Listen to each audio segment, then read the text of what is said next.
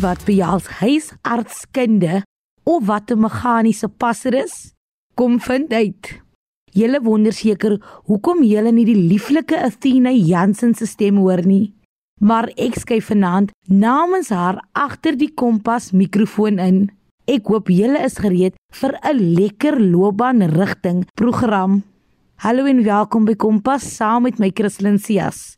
Aan al die getroue luisteraars wat elke aand om 08:30 inskakel, wil ek net hartlik bedank vir al jul insa, idees en menings.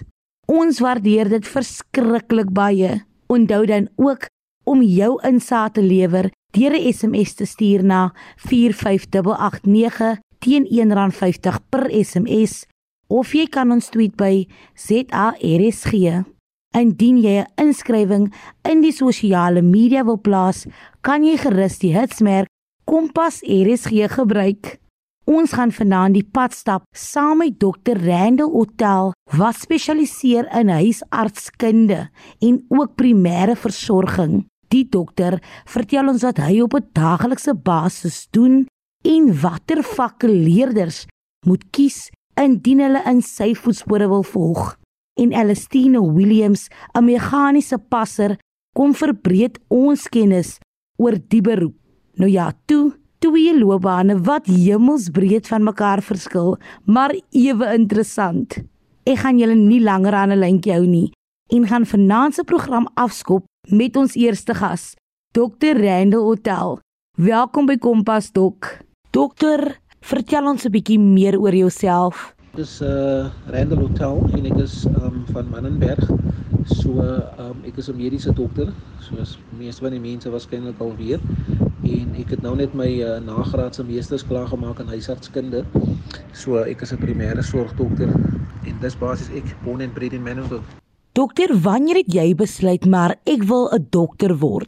Wat was die defining oomblik vir jou? Ja, Chris, om jou die eerlike waarheid te sê, ek het eintlik glad nie besluit ek wil 'n dokter wees nie of kom ons sê maar ek het baie laat besluit. Ehm um, my pa se vriend was 'n dokter en dit dit het net so nice gelyk vir my, jy weet, as die ouetjie nou kom en jy weet hy, hy speel cricket saam met my pa en ek het ook saam cricket gespeel. So dit was altyd 'n positiewe uh, uitbeelding wat hy wat hy gegee het. So ek het gedink dit is dis 'n baie interessante veld. Op skool ek het nie geweet wat ek wou doen nie. Ek wou eintlik op die volle strook werk. Maar ek het net gedink dit lyk dit lyk cool. So uh, ja, in graad 11 het ons nou aansoek gedoen vir die universiteit en almal daai tipe goedjies en ek was soos as soos te sê provisionally accepted en hulle net dan net het gewag nou vir die matriek uitslaa. So ek ek was gekeer nou vir vir, vir klomp goedjies uh vir regs vir regte vir rekenkunde vir medies. Ehm uh, ek het so aansoek gedoen vir BSc's uh, ingenieurswese.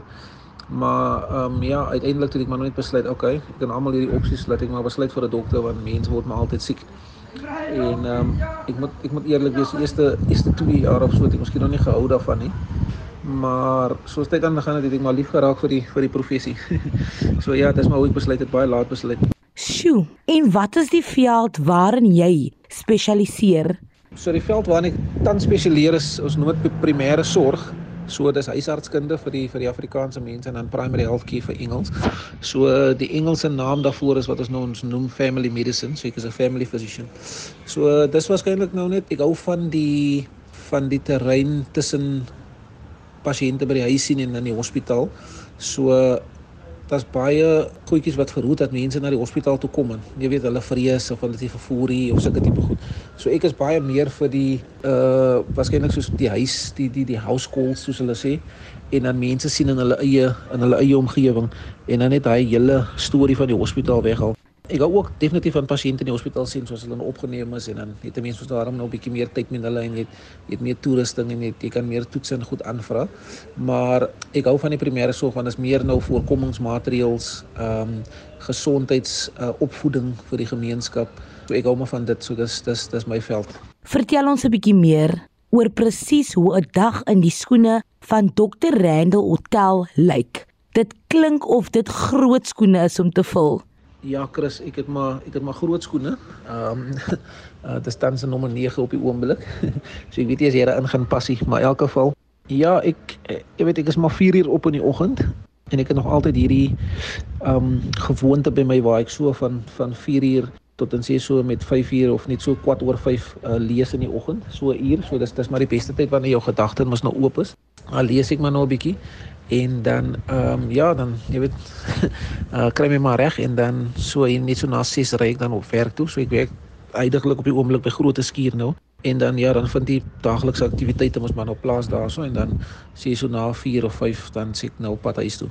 So gelukkig doen ek nog geen nagskofte nou nie want ek is mos nou daarom 'n spesialis in in in huisartskunde.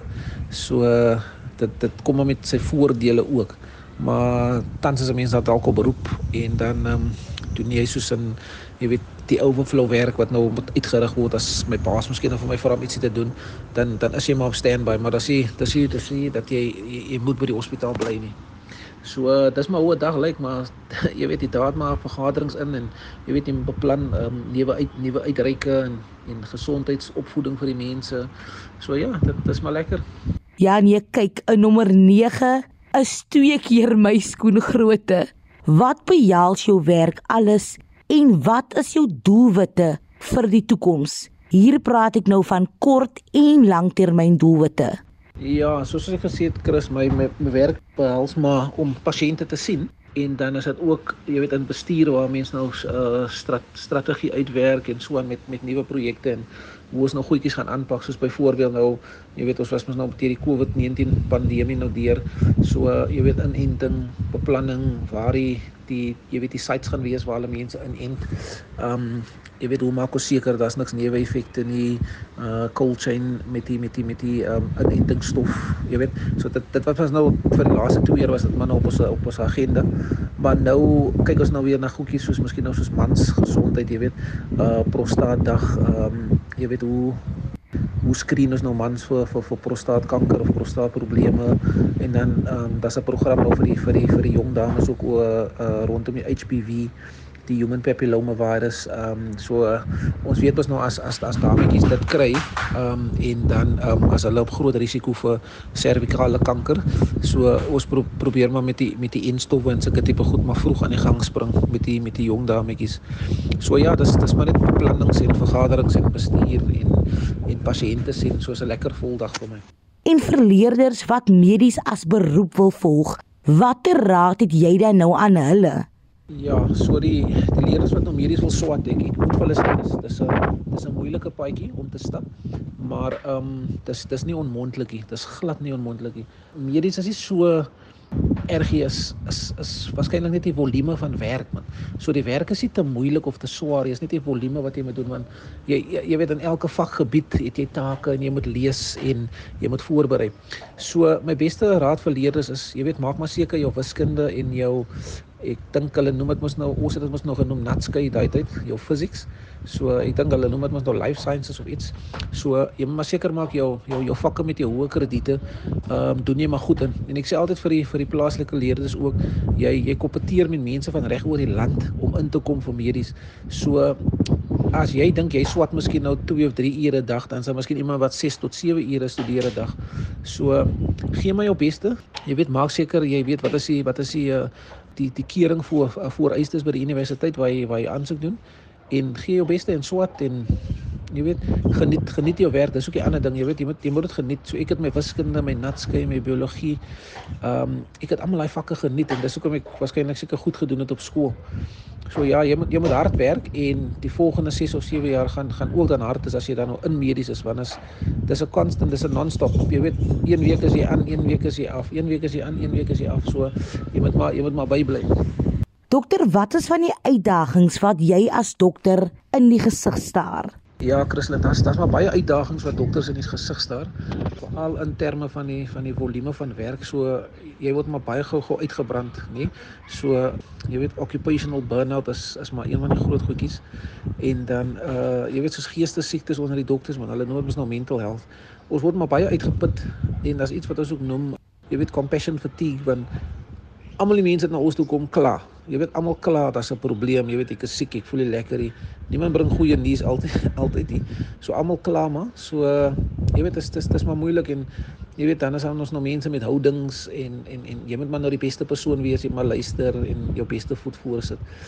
En dan sal ook waarskynlik ons uitdaging soos jy weet jy moet op mense opereer, jy moet mense se lewens red. En partykeer is dit moeilik, jy weet die pasiënte kom te laat hospitaal toe of partykeer kom hulle op tyd, maar die besering of of of die siekte wat hulle het is is is is te erg of te ver en dan dan kan jy maar niks doen nie. So ja, dis dis dis klomp goedjies wat die dokters in die gesig staar en dan sal ons nou nog 'n bietjie politiek onder die dokters en in die hospitaal en in die bestuur, maar jy weet dis maar nie minderheid maar das das das das meer voordele sal ek sê as nadele dit hang ons maar nou af hoe jy dit hoe, hoe jy daaraan kyk. Maar ek geniet my werk so jy weet die hulle sê mos uh, if life gives you lemons then you you make lemon juice you know? So dis maar my uitsig. En dan moet ek natuurlik raak aan die kwessie van gesondheidsdienste in ons land. Hoe dink jy kan gesondheidsdienste verbeter word sodat dit gemeenskappe beter kan dien Chris, my wense vir die gesondheidsdiens is is maar altyd dat ons maar die gesondheid na die mense toe moet bring. Nou ek is in bestuur waar ek nou hoor hierdie gesprekke en so aan en en en die regering wil regtig die dienste na die mense toe bring.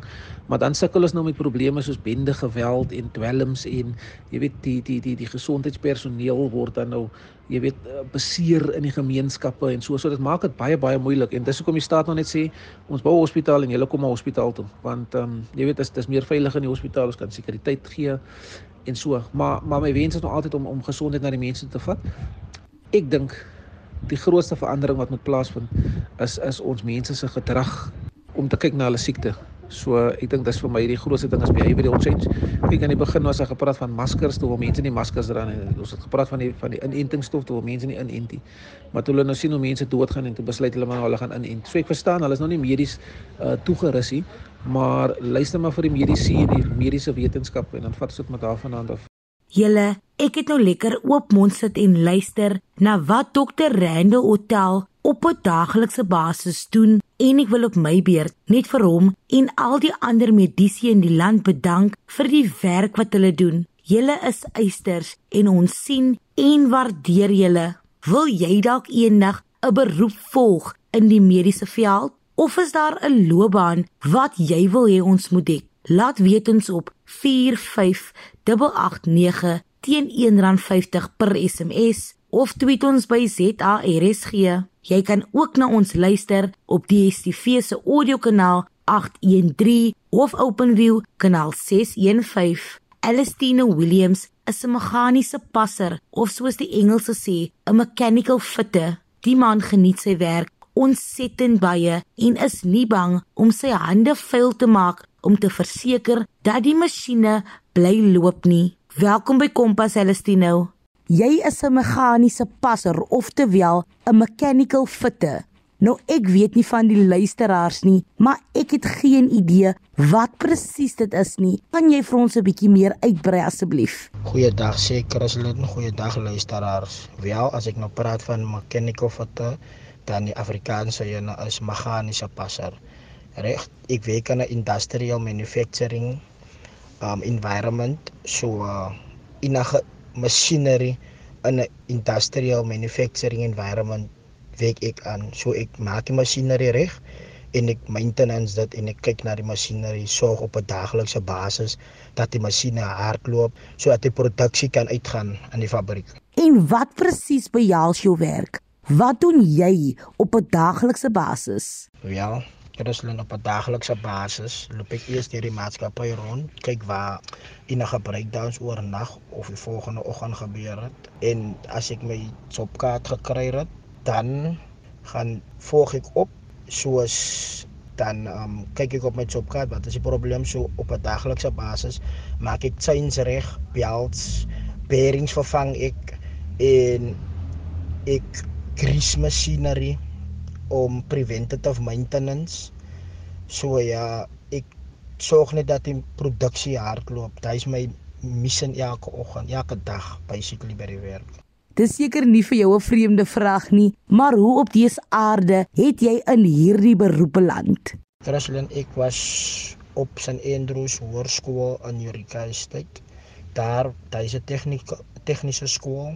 Daar het ek op skool gesien dat ek sal meer wil in die pasiëntry afdeling wil gaan, maar ook het ek gesien dat ek wil spesialiseer in net pas soos fitting. Ek wil net in fitting gaan want ek het meer gehou van goed afbreek, goed opbou en goed in mekaar sit, goed regmaak en dit is 'n groot sukses vir my as ek iets reg kon gemaak het en die masjien of produk weer laat loop het.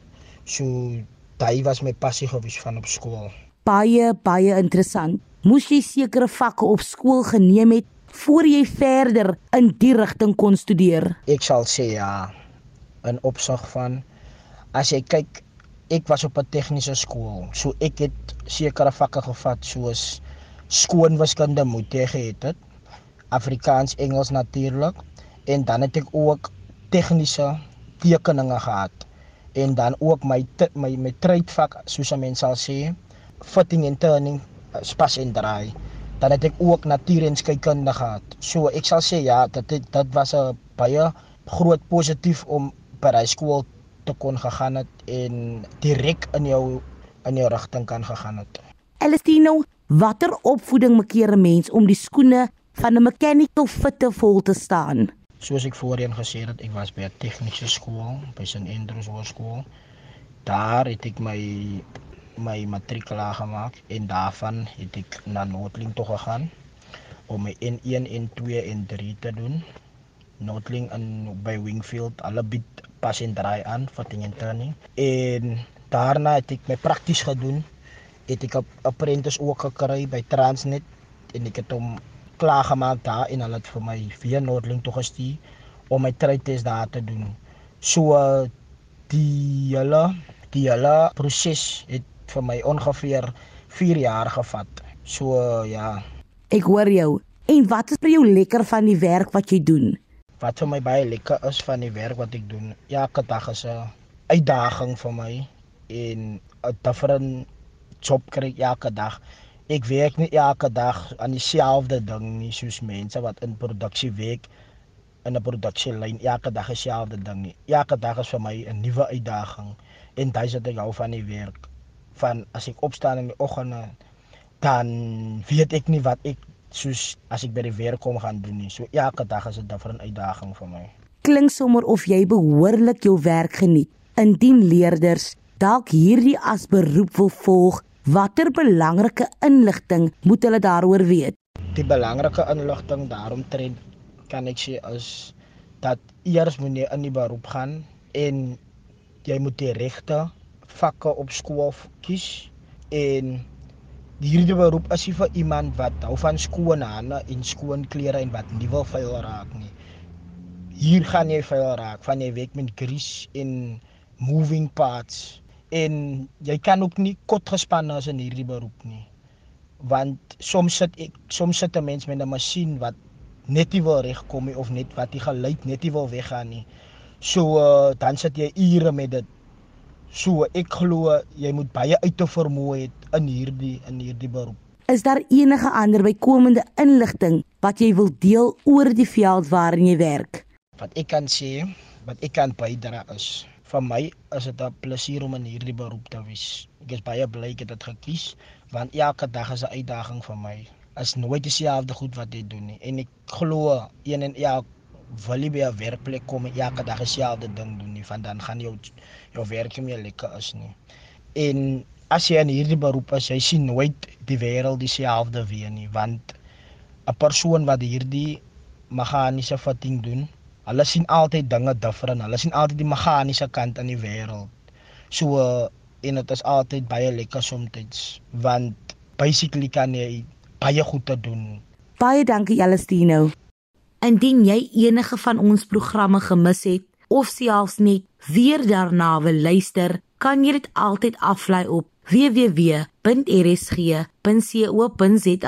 Klik net op die potgooi skakel en soek onder K vir Kompas. Kompas word natuurlik aan jou gebring deur SABC Opvoedkunde. Jy kan enige vrae of voorstelle stuur na die e-posadres kristlyn.sias1@gmail.com.